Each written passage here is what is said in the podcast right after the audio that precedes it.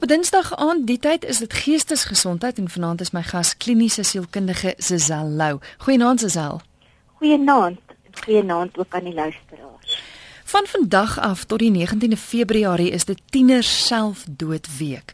En daarom ons tema vir vanaand se programme. Om die waarheid te sê, eintlik is dit ons tema vir die volgende 3 weke. Jy as luisteraar is welkom om saam te gesels. Jy kan of 'n SMS stuur na die ateljee toe. Die nommer is 3343 3343 dit gaan jou R1.50 kos of jy kan 'n e-pos stuur via ons webwerf rsg.co.za of jy kan saamgesels deur te skakel ateljee toe 089 1104553 dis die nommer 089 1104553 Nou buiten vir die feit dat Suzelle kliniese sielkundige is, het sy vanaand se tema aan haar eie lyf gevoel. Haar seun Louis het in 2002 sy eie lewe geneem. Suzelle in kort gou, wat het gebeur en watter impak het dit op jou lewe gehad? Stel ons het um, ervaar dat Louis vanaf hy ongeveer 3 jaar oud was, vreemde gedrag openbaar het. Um hy het geweldige woede-uitbarstings gekry, abnormaal baie vir daai ouderdom maar mense dit baie keer maar net weggerasionaliseer en gedink dit is terrible toes wat bietjie lank aanhou. En um met ter tyd soos wat hy ouer geword het, het ons hom begin neem na professionele persone toe en hy het allerlei behandeling gekry, maar um niks daarvan het regtig waar resultate opgelewer nie. Hy is op 'n stadium gediagnoseer met depressie en hy het antidepressante begin gebruik maar dit het ook geen verbetering by hom gebring nie. En um na sy dood, hy was amper 23 gewees, um is daar ander mense in die familie gediagnoseer met bipolêre verstoring en ons sal later daarby uitkom, maar bipolêre verstoring um lyk in sommige opsigte net depressie. Maar as 'n mens um dit behandel met 'n antidepressant en geen ander medikasie addisioneel daartoe by nie, dan vererger dit die siekte. En dit is waarskynlik wat met Louis gebeur het. Hy was verkeerd gediagnoseer en hy het die verkeerde medikasie gebruik. En um jy kan nou seker vir jou indink dat dit vir ons baie moeilik was om te verwerk. Um dat uh, hy waarskynlik gehelp kon gewees het as dit nie die korrekte diagnose was. Um die impak wat dit verder ook op my gehad het, is dat dit my baie bewus gemaak het daarvan dat um, 'n mens regtig vir mense moet help wat in so 'n posisie is wat baie depressief is en wat baie keer nie noodwendig depressie het nie, maar wat bipolêre verstoring of miskien 'n ander siekte toestand het. En dat wanneer iemand oor 'n lang tydperk of selfs 'n kort tydperk um, met selfdoodgedagtes worstel, van dit Louis gehad van dit omtrent 10 jaar oud was, dat 'n mens regtig waar alles in jou vermoë doen om vir iemand te help om te verhoed dat dit uiteindelik by die daad eindig. En dis ook juist die doel van vanaand se program is ons wil mense bemagtig en ons wil vir hulle die waarskuwingstekens gee sodat ons mense se lewens kan red. Sosal ek wil gou voor ons kyk na na die groot probleem wat dit is, net vinnig hoor, hoekom selfdood? Ons het alle jare gepraat van selfmoord en ek weet baie van die luisteraars het het groot probleme met die feit dat ons nou die woord verander het. Maar hoekom hoekom praat ons deesdae meer van selfdood as die ou woord selfmoord? Christel, um, daar is 'n navorsing gevind dat ongeveer 87% van mense wat hulle eie lewens neem of wat baie selfdoodgedagtes kry, dat hulle 'n psigiatriese diagnose het. Met ander woorde, iemand wat sy eie lewe neem, het 'n ernstige siekte. Mm. En is dit dan regverdig om van so iemand 'n moordenaar te maak? Geldige punt. So ons praat van selfdood. Ongetwyfeld. Goed. Dis tiener selfdood week en, en daarom neem 'n mens aan dat dit 'n geweldige groot probleem moet wees. Is dit 'n groot probleem? kristal is 'n skrikwekkende groot probleem. Ek het nou 'n bietjie na syfers gaan kyk. Die Wêreldgesondheidsorganisasie sê dat selfdood die derde grootste rede vir sterfte onder tieners in die wêreld is. Ook sogenaamde ongelukke wat afgemaak word as 'n ongeluk maar eintlik selfdood was. Maar toe gaan kyk ek bietjie verder na die Suid-Afrikaanse syfers. En um, hulle sê amper 10% van alle tienersterftes is as gevolg van selfdood. In Suid-Afrika is dit die vinnigste groeiende tweede grootste rede vir sterfte en nie soos in die wêreld die derde grootste oorsaak vir sterfte nie. Tussen 15 tot 24 jariges. So in Suid-Afrika is dit 'n groter probleem as in die res van die wêreld. In die VSA is het hulle gevind dat ten minste helfte van tieners dit al oorweeg. So dit is meer as net om gefrustreerd of ontstel of kwaad of hartseer te wees. Dit is regtig soos om te dink om jou lewe te beëindig. Dis nie net net 'n praktiese terme sou omsit. In 'n skool van 2000 leerders kan 'n mens omtrent 1000 dink daaroor ernstig en 170 wend elke jaar 'n poging aan en elke 4 jaar sal 'n kind in die skool suksesvol wees. Maar is daar dan hoop om hierdie geweldige groot probleem aan te spreek? Dit ek stel daar is 'n um, sleutel. En dit is eintlik iets wat 'n mens half nie verwag nie. Hulle het 'n navorsing vir die tieners gevra met wie sal jy praat as jy jou eie lewe wil neem? En 90% van hulle het gesê hulle sal vir 'n vriend eers vertel nie vir 'n volwassene nie. So as 'n mens ander tieners of alle tieners kan bemagtig om te weet waarvoor om op te let en waarvoor veral om te luister as hulle maats praat, dan het 'n mens 'n toegang tot tieners se harte. Hmm. En ons gaan later daarby uitkom watter tipe goed sê 'n tiener as hy daaraan dink om sy eie lewe te neem en wat moet 'n tiener dan doen met daai kennis? Goed, ons gaan 'n bietjie kyk na die risikofaktore. Ek wil net gou eers hoor hier's van die luisteraars wat sê hulle hoor jou baie swak Sesel. Ek weet nie of dit moontlik is dat jy dat jy dalk net harder of duideliker in die gehoorste kan praat nie. As dit nog steeds 'n probleem is, gaan ek jou dalk later op die selfoon probeer skakel. Goed, ek gaan soveel harder praat, is dit beter? Dis hy, dis beter. Is beter hier aan my kant. Ek sal nou by die luisteraars hoor of dit reg is. Goed. Ek wil net vir jou as luisteraar noem dat alles waaroor ek en Gisel nou gesels is op RSG se webwerf beskikbaar. Ons gaan nou vinnig deur van die risikofaktore gaan en die waarskuwingstekens, maar ons gaan dit vlugtig net gou noem op lig. Indien jy meer inligting daaroor wil hê, al hierdie inligting is op RSG se webwerf en jy kan dit net so gaan lees. Dis natuurlik by rsg.co.za. Dis ook 'n manier hoe jy met ons kan gesels deur middel van die webwerf en jy kan ook 'n SMS stuur na 33 43 dit gaan jou R1.50 kos. Kom ons kyk gou vinnig na van die risikofaktore of of kom ons begin eerder by is daar sommige tieners wat 'n groter risiko is vir selfdood as ander? Ja, daar is faktore wat op 'n groter risiko kan dui, maar wanneer een of meer van die situasies nou gaan voorkom kristel wat waaroor ek gaan praat, dan beteken dit nie outomaties dat iemand 'n hoë risiko vir selfdood is nie. Maar daai situasies maak die lewe vir 'n tiener meer stresvol. Sy selfdood mag dan vir die persoon lyk na 'n moontlike ontsnapping. Wanneer mens weet dat iemand in een of ander opsig in hierdie hoë risikogroepe behoort, kan jy weet die persoon het iemand nodig wat omgee en wat probeer verstaan. So ek wil ook eintlik vir die tieners sê, ek weet nie of hulle nou so laat in die aand sal inluister nie, maar as jy self 'n tiener is en jy sien jou vriend kry besonder swaar, wees dan op die uitkyk vir wanneer jy dalk 'n volwassene moet betrek. Hmm. Die eerste risikofaktor is depressie. Bipolêre gemoedversteuring en skizofrenie. Al drie kan 'n rol speel en soos ek net nou gesê het, daar studies wat daarop dui dat in 87% van selfdoodgevalle 'n psigiatriese diagnose teenwoordig was. Nou in die geval van depressie kan 'n mens dit eintlik verstaan in die lig daarvan dat serotonien in die brein is eintlik soos 'n briek wat aggressiewe impulse en gedrag stop. En wanneer daar 'n tekort is aan serotonien, kan iemand homself baie maklik seermaak. Die so 'n persoon vind dit dan baie moeilik om saam te leef met sy gemoedskommelinge en onbeheerste gedrag.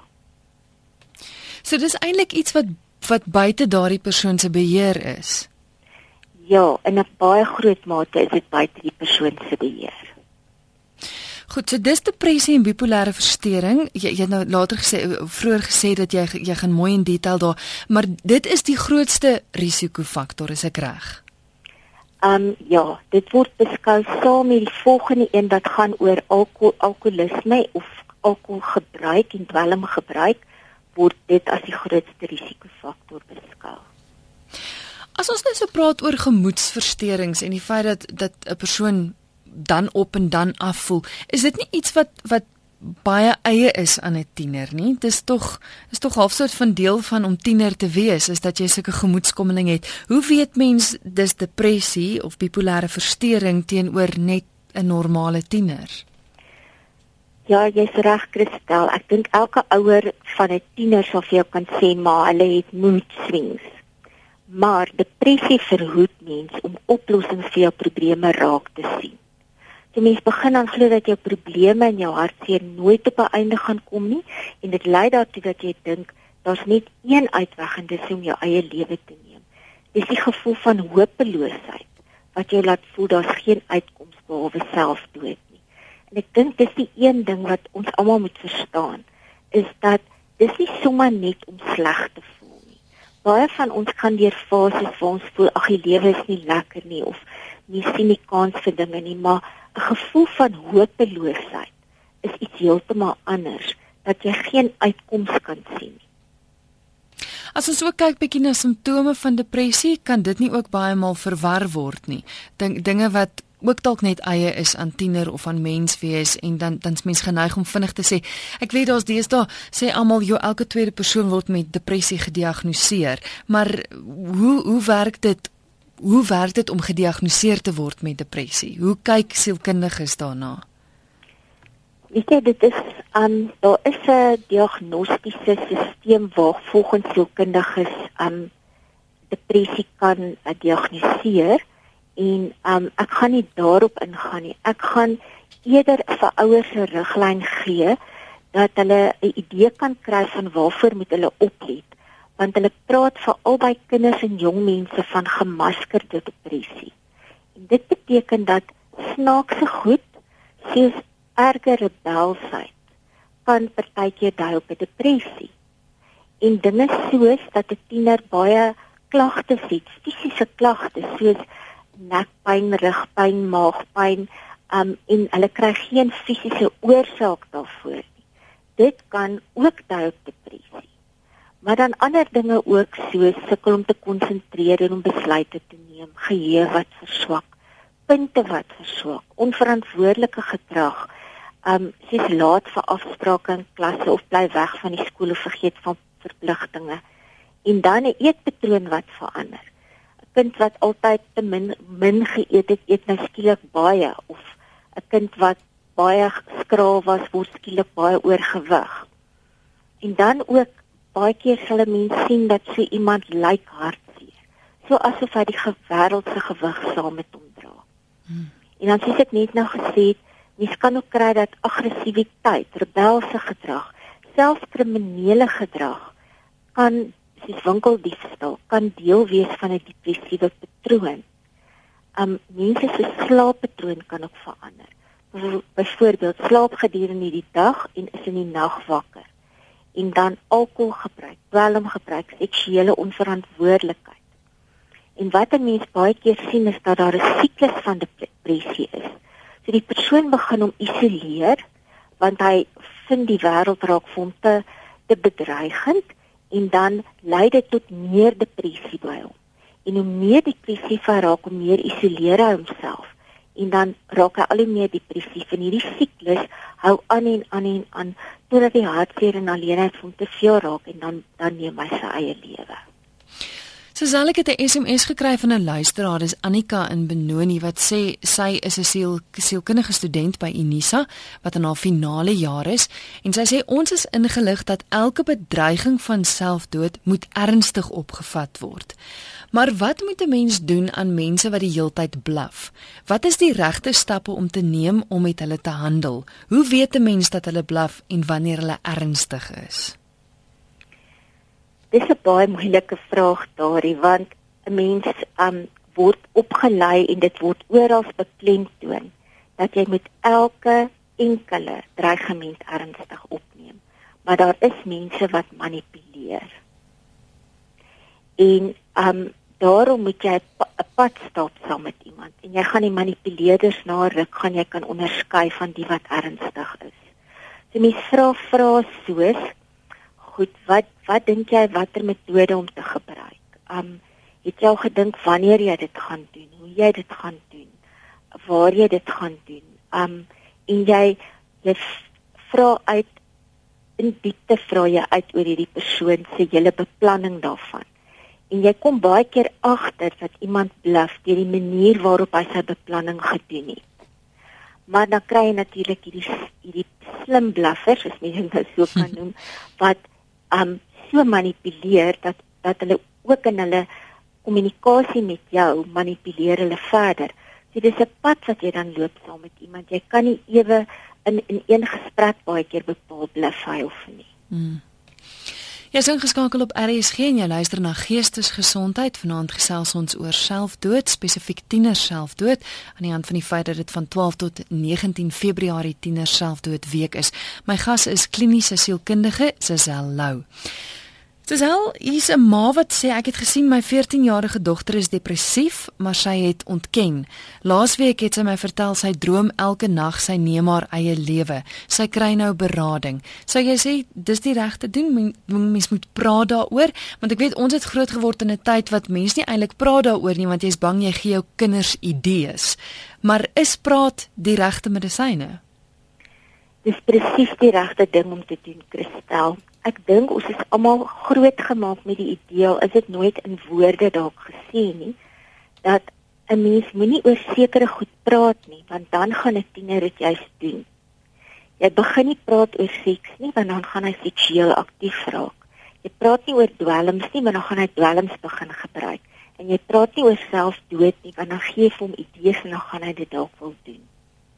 En dis een van die mites wat daar bestaan oor selfdood die mens met juis praat en hoor wat gaan in die persoon se kop aan.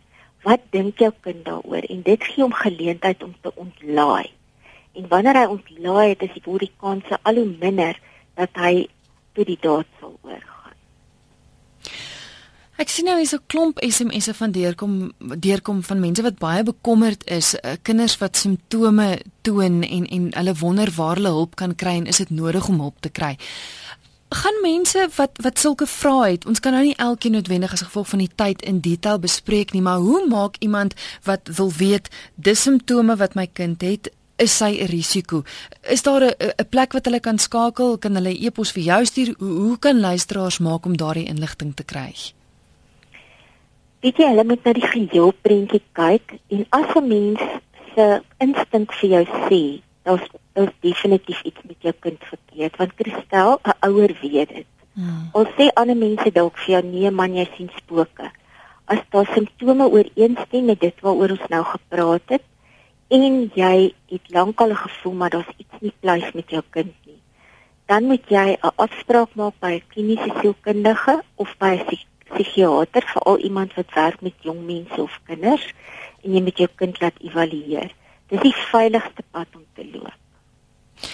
Ek wil gou hê ons moet terugkom by die risikofaktore. Ons het nou gesê die grootste een is depressie en bipolêre verstoring en dit jy genoem dat alkohol en dwelmprobleem ook 'n groot risikofaktor is. Ja, Christel, ek wil net vinnig bipolêre verstoring ook noem. Presies hoe hy in mekaar steek. Ek gaan dit gaan nie langer as 'n minuut wees nie. Um, ek wil net sê dat bipolêre verstoring lyk baie soos depressie want daar's ook lang tye wat 'n persoon depressief kan wees. Maar daar's mood swings. En depressie en manie wissel mekaar af. Daar kan miskien een maniese insident wees in die hele tyd wat jou kind dit het. En dan kan hy hoog en geïrriteerd wees vir ten minste 4 tot 7 dae en in daai 4 tot 7 dae kan hy baie praat, hy kan min slaap. Um hy kan sy gedagtes wil nie tot stilstand kom nie. Hy's baie afleibaar en hy kan onverantwoordelik raak. Maar die volle simptome is ook op die um webtuiste en um ek sal julle aanraai om daarna te gaan kyk en om daai seker te maak dat van daai simptome nie dalk by jou kind teenwoordig is nie want baie mense kom by 'n dokter of 'n psigiater en hulle sê, "Weet jy, my kind is depressief." Want hulle gaan in 'n depressiewe fase na die dokter toe. Mm. Maar hulle noem nie dat daar al 'n geleentheid was waar die kind in 'n maniese of 'n hipomaniese fase was nie. En dan mis die dokter dit. En dan gee hy 'n antidepressant en dit is dan waar so 'n kind net kan flikker So gepraat van die medikasie, hier's 'n luisteraar wat sê ek gebruik Tripelin sowel as Prozac vir jare en het besluit om laasgenoemde uit eie beweging te staak. Ek was na 3 maande by die rand van selfmoord. Kan die gas dalk verduidelik waarom jy 10 keer meer depressief word wanneer jy net ophou om die pille te drink? Ek het gestel dit is nie my spesialiteit nie. Medikasie word deur 'n psigiatër of 'n mediese dokter voorgeskryf. So ek kan my nie daaroor uitlaat nie ek weet nie dat dit baie sleg is om hierdie medikasie net skielik te stop en om dit nie onder die toesig van 'n dokter geleidelik minder te maak en dan te beëindig nie. Goed. So dit kan 'n invloed hê. Wel ek dink dit kan definitief 'n invloed hê as jy net op 'n dag jou medikasie staak. Terugkom by die risikofaktore, alkohol en dwelmprobleem, homoseksualiteit en dan nog 'n hele lys. As ons vinnig dalk net gou-gou deur die faktore kan gaan sodat ons by die waarskuwingstekens kan uitkom. Goed, ek wil 'n tydjie bestee aan alkohol en dwelmprobleme want dit is um skrikwekkend hoe groot rol dit kan speel. Um selfs 'n tiener wat alkohol en dwelm vir die algemeen nie gebruik maar wat hartseer genoeg is om aan selfdood te dink, so oordeelsvermoë kan by die gebruik van die alkohol en dwelm so aangetast word dat hy oorgaan tot die daad. Die tweede faktor wat 'n rol kan speel is dat alkohol en dwelm wat op 'n roetinebasis gebruik word, werk selfmoordgedagtes en depressie in die hand. Want weet jy Christel en ek wil vir die luisteraars dit beklemtoon, is omtrent niemand weet dat alkohol 'n depressant is Mm Met ander woorde, as jy alkohol gereeld gebruik, gaan jy depressief voel. Sjoe. So hy lig jou bietjie op as jy vanaand alkohol gebruik, voel jy 'n bietjie beter en môre as jy wakker word, gaan jy meer depressief voel of jy gaan depressief voel want alkohol is 'n depressant. En in in die derde um instansie waarop alkohol 'n groot rol kan speel in 'n tiener se lewe is waar die ouers dit gebruik en die gesin uitmekaar begin val. En dit kan daartoe lei dat die kind um, kan begin selfdoodgedagtes kry en tot die daad oorgaan. En dan as ons kyk na homoseksualiteit, speel dit ook 'n groot rol. Is dit ook 'n risikofaktor? Weet jy, dit plaas druk op iemand. 'n Geweldige druk want hy's nie aanvaarbaar vir die samelewing nie. Hmm. En hy word hy ervaar verwerping en tieners se grootste behoefte is om aanvaar te word en om liefgehad te word en om oukei te wees. En as hy dit geheim moet hou dat hy homoseksueel is omdat hy bang is vir verwerping, is dit 'n geweldige druk en stres elke dag. Dit vir gay jong mense beteken die lewe dikwels isolasie en verwerping, vrees en hoe hartseer dit ook al mag klink, dikwels selfhaat en hierdie ekstra stres kan lei tot selfdoodgedagtes. Daar's nog so een of twee tieners wat voorheen 'n poging aangewend het of wat kom uit 'n huis waar iemand reeds sy eie lewe geneem het, dan ook begaafde tieners, tieners met leerprobleme, swangerskap en tieners wat mishandel is. Dit alles is ook risikofaktore, né? Ja, want al hierdie gevalle is waar tieners onder een of ander vorm van druk is gestel. Kom ons vat nou net die voorbeeld van 'n begaafde tiener. Mense sal dink maar onder watter druk is hy nou? Maar dit is 'n enorme druk om te voel dat jy alle alle areas perfek moet wees. Want so 'n tiener dink baie keer hy word liefgehad en bewonder omdat hy so suksesvol is. En dis baie druk. En tieners met leerprobleme aan die ander kant, um beleef weer die druk van maar ek is nie goed genoeg nie en ek moet myself bewys dat ek dat ek kan of kan ek eintlik nie. Hmm. So en dit speel 'n baie groot rol. Weet jy die navorsing het gewys dat ongeveer 'n helfte van tieners wat hulle eie lewe lewens geneem het, het leerprobleme gehad. Sjoe. Dis ongelooflik. Ek wil hê ons moet tog die tyd haal ons in, maar ek wil hê ons moet asseblief kyk na die waarskuwingstekens. En ek sê weer eens vir jou as luisteraar, al hierdie inligting is in detail op ons webwerf. So as jy graag weer wil gaan kyk na alles en al die punte in detail wil lees, dis op www.rsg.co.za. Jy gaan na programme en klik op geestesgesondheid en dan sal jy hierdie hele lys van risikofaktore en waarskuwingstekens sien. Soos alles ons gou vinnig kan kyk na waarskuwingstekens. Wat is van die waarskuwingstekens? Selfdoodreigemente is definitief 'n waarskuwingsteken. Hmm. Regheid, soos in ek gaan my eie lewe neem, ek gaan volgende week dood wees, ek gaan myself skiet met my pa se pistool. Dit is ernstig. sien dit as ernstig. Baie mense bedoel dit en dit is iets wat 'n mens definitief moet opvolg. Maar dan staan indirekte dreigemente ook die wêreld sal 'n beter plek wees sonder my of iets soos soms wens ek dit was nie meer hier nie. Um vir alles iemand dit net in 'n ontspanne gesprek laat inglip kristel, dan wonder 'n mens baie keer, is dit nou net 'n grap of wat? Maar mens kan dit nie net as 'n grap afmaak nie. Die tweede waarskuwingsteken is dat daar 'n belangrike verlies was. Soos 'n liefdesverhouding wat verbreek is of iemand wat dood gegaan het of ouers wat geskei het of wat ook al dit speel baie keer 'n rol dat dit soort van die trigger ding is wat gebeur het.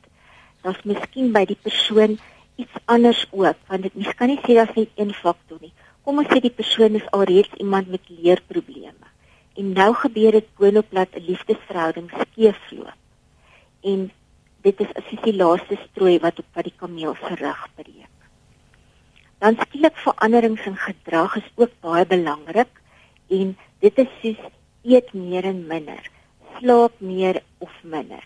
Um is uitstekende student voorskielik baie sleg.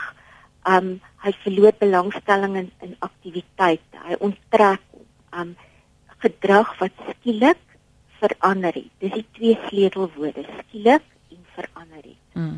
En dan aggressie, rebellie en opstandigheid. Dis 'n baie duidelike teken dat iets nie pleis is nie iemand wat sy kosbare besittings weggee en wat sy persoonlike sake afhandel. Sy's begin sy goed um opruim in sy kamer, um begin um 'n testament uitskryf en 'n begrafnisseremonie beplan en sê eendag as ek dood is, wil ek hê julle moet vir my hierdie musiek op my begrafnis speel. Dis 'n baie duidelike teken. En dan ook destruktiewe gedrag waar iemand homself seermaak, onverantwoordelik bestuur, kansse vat, sê maar um, oor 'n brug stap en um goed doen wat duidelik gevaarlik is en dan ook iemand waar jy kan sien sy selfbeeld neem af. So jy kan sien hierdie persoon het 'n uitdrukking op sy gesig wat sê ek kan niks reg doen nie. Mense sê dikwels dat dat dit gebeur soms dat mense beter voel en dan en is dit is dit 'n teken van van moeilikheid? Veral iemand wat miskien nou byvoorbeeld medikasie gebruik iemand wat gediagnoseer is met depressie en daardie persoon voel beter en jy kan sien jy maar daar's 'n oplewing. En heel moontlik of heel dikwels gebeur dit dan dat daardie persoon dan sy eie lewe neem. Is dit 'n is dit 'n tendens wat baie voorkom? Dit gebeur nogal kristel veral as iemand reeds 'n poging aangewend het is die gevaarlike tyd 80 tot 100 dae na die eerste poging, so min of meer 3 maande. Want wat gebeur is aanvanklik kry die persoon baie aandag na die selfdoodpoging en almal probeer om help om sy probleme op te los. En dan raak almal weer besig en almal dink maar hy's nou oukei. Okay. En dan begin die persoon te besef, maar weet jy my probleme is nie opgelos nie en ek is nog net waar ek was en dit gebeur omtrent 3 maande na die tyd. Die eerste jaar na 'n selfdoodpoging bly 'n gevaarsone en 'n mens moet baie versigtig wees daarvoor. Baie keer ook hierdie ding van maar dit gelyk asof dit soveel beter gaan. Dis in daai tyd wat iemand miskien na besluit het, maar nou gaan ek tot die daad oor en dis daai laaste dag of wat voor die tyd wat hy daai gevoel van verligting het van die einde is naby en ek gaan ek gaan nie meer hoef te um, werk aan enige iets nie, maar ek gaan nou vry wees. Hmm. Hier's 'n enkel ouer wat per SMS vra my kind toon vreemde gedrag en dreig om selfmoord te pleeg. Waar klop ek vir hulp aan? Die beste manier is om na jou huisdokter toe te gaan en vir hom te vra, het hy vir jou die naam van 'n kinderpsigiater of 'n kliniese sielkundige na wie jy jou kind kan neem en dat jou kind deeglik geëvalueer kan word. Maar jy moet dit so gou as moontlik doen want as jou kind sulke dreigemente gee, dan is dit ernstig. Soos ons kom terug by die begin wat ons gesê het, as daar dreigemente is, dan moet dit ernstig opgeneem word. Absoluut. Hmm. Is nog 'n hele paar vrae wat deurkom. Ek gaan kyk of ek nog se een of twee by kan uitkom. Hier is 'n oproep ook. RSG goeienaand. Hallo. Hallo, goeienaand. Ja, jy's op die lig. Ja, dis Dion Knool wat praat uit die Kaap. Dion, kan jy asseblief jou radio vir my afsit? Ja, my bes, daar sê nou. Dankie. Uh ja, ek wil net sê daar moet tog noodlyne wees wat mens kan skakel. Met ander woorde, dit help nie om te sê gaan sien jou huisdokter en psigiater nie. Dit gaan daar dalk neem voor dit kan gebeur. Daar moet noodlyne wees wat mens kan bel en vra vir hulp. Is daar nie? Weet jy, snaaks nogals, ek het op die op die webwerf nou die dag gesien een wat oop is van 8uur die oggend tot ek dink 8uur die aand en ek het by myself ook gedink, maar wat as die persoon probleme het na 8 in die aand? Wie skakel hy dan? Maar ek 'n lifeline ook skakel. Nee? Ja, ek vermoed en weet jy wat, ek het ook gaan kyk op die webwerf en daar is tog 'n hele paar plekke wat wat name en nommers gee. So ja, ek weet nou nie wat iemand gaan doen dit nie. Suicide helpline. Ja. Die onthou uh, jy as ouers jy As ek vir ouers raad sou gee, dan sê ek, weet jy gaan na jou dokter toe of gaan na jou kundige toe. As 'n mens vir kinders sou sê as jy in nood is en daar's niemand met wie jy kan praat nie, dan is daar tolvrye krisislyne. Daar's byvoorbeeld Sadag se lyn. Ja. Um sy nommer is 0800 567 567. Dis die enigste selfdoodvoorkomingsprogram ook wat in skole aangebied word, word deur hulle aangebied. Ja. So mens kan hulle skakel. Maar dis 'n baie goeie idee dan om net weer daai nommer te herhaal by SADAG, South African Depression and Anxiety Group, né? Nee? Dis reg. Ja. So as jy nie self in nood is of as jou kind in die dood is, dan dan kan jy in die middel van die nag of wanneer ook al kan jy daai nommer skakel ja. 0800 567567. Ja. Maar as jy langer termyn hulp wil kry wat nie net vir, vir 'n noodsituasie is nie, dan moet jy tog in diepte na die probleem kyk. Ja, nee, dis korrek. Ek dink maar net vir die die ouers wat nou gesê het my kind en my kind en wat moet ek nou maak? Mm. mm. Laat hulle miskien daai noodlyn bel, né? Nee. Baie dankie dat jy geskakel het. Dankie tot. Goed gaan, totsiens. Goed, ek sal daardie nommer ook weer herhaal aan die einde van die program sê ek kan so lank papier en pen byderhand kry. Hier's 'n luisteraar wat sê ek is amper 60 en ek ken al die goed waarvan jy praat. Ek ly aan depressie en angs. Die luisteraar sê gee asseblief baie liefde aan iemand met die probleme. Is dit so maklik soos dit, Sesel? Is liefde genoeg? Daar's twee probleme daarmee. Die een is dat die mense naby aan iemand wat depressie het, raak baie keer uitgebrand. Dat hulle voel maar dit gaan nou al sien net maar 5 jaar of 10 jaar of 20 jaar aan en daar kom nie 'n oplossing nie. En dat hulle begin onttrek van die persoon wat depressie het. En dan bly die persoon wat depressief is met 'n groot stuk alleenheid agter. En daarom moet daar ander mense ook wees wat deel is van die persoon se ondersteuningsstelsel. Die tweede ding is dat um as 'n mens sê gee vir die persoon liefde, dan dit is presies wat jy die nodigste het. Maar jy jy kan dit nie net by jou familie kry nie. Jy moet dan ook kyk na na ander bronne waar jy dit kan kry en en oplossings wat jy kan kry om hierdie situasie te verbeter. Ek weet in ons gesprek wat ek en jy vooraf gehad het, het jy vir my genoem ook dat dat tieners wat wat probeer het om hulle eie lewe te neem en na die tyd gevra is hoekom, baie van hulle het gesê dis omdat my ouers nie lief is vir my nie. Wat 'n wanpersepsie is, want die ouers het nie gedink hulle kinders dink hulle is nie lief vir hulle nie. Maar maar dit is tog belangrik om om seker vir jou kind te wys dat ek ondersteun 100% alhoewel jy sê dis moeilik want mense raak op 'n punt uitgebrand. Ja, dit was die navorsing gewees wat getoon het dat die kinders gedink het hulle ouers is nie lief vir hulle nie, maar dit is 'n absolute persepsie wat hulle later aan kry van hulle familie. Um en as ek dan vir mense sê, maar um wat kan jy dan doen om jou liefde te demonstreer? En dit is dat as jy enigstens kan om onvoorwaardelike liefde te demonstreer, is om regtig te luister. En om so te luister dat jy na die ander persoon se hart luister. En dat jy nie met vooropgestelde idees kom van hoe behoort hierdie persoon te voel, hoe behoort sy die probleem op te los nie. Daar is alreeds 'n klomp ontlading daarin net om te vertel hoe ervaar jy hierdie hierdie depressie waarmee jy saamleef. Hmm. En dit kan al geweldig baie liefde kommunikeer vir die persoon wat daarmee worstel. Want ek sê baie keer depressie kan 'n mens se siekte noem, maar jy kan hom ook 'n boelie noem. Want hy boelie jou rond. En dis nie 'n maklike boelie om mee saam te lewe nie. Ek wil gou ter afsluiting van vanaand se gesprek, jy het saam met drie ander vroue aan 'n boek geskryf waar jy julle stories vertel het en die pad wat jy gestap het. Vertel net gou in kort vir die luisteraars van die boek, Sesel. Ja, dis 'n boek wat um, geskryf is deur vier vroue wat elkeen 'n geliefde aan selfdood verloor het en dit is ons verhale en ook die verhale ook van hoop omdat ons 'n pad gestap het van ook genesing en nie net 'n pad van seer nie. Hmm.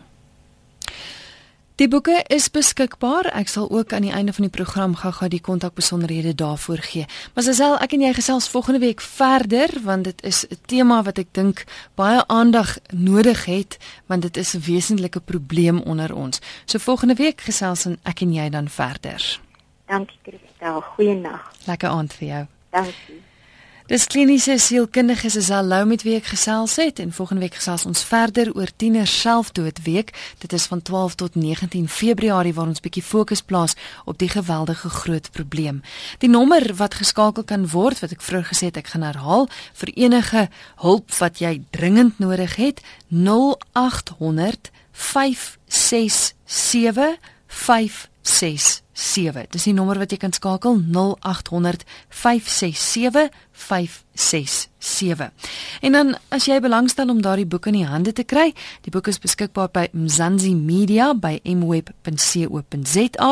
Jy is ook natuurlik welkom om die besonderhede by my te kry. Jy kan 'n e-pos vir my stuur Kristel by RSG www.co.za.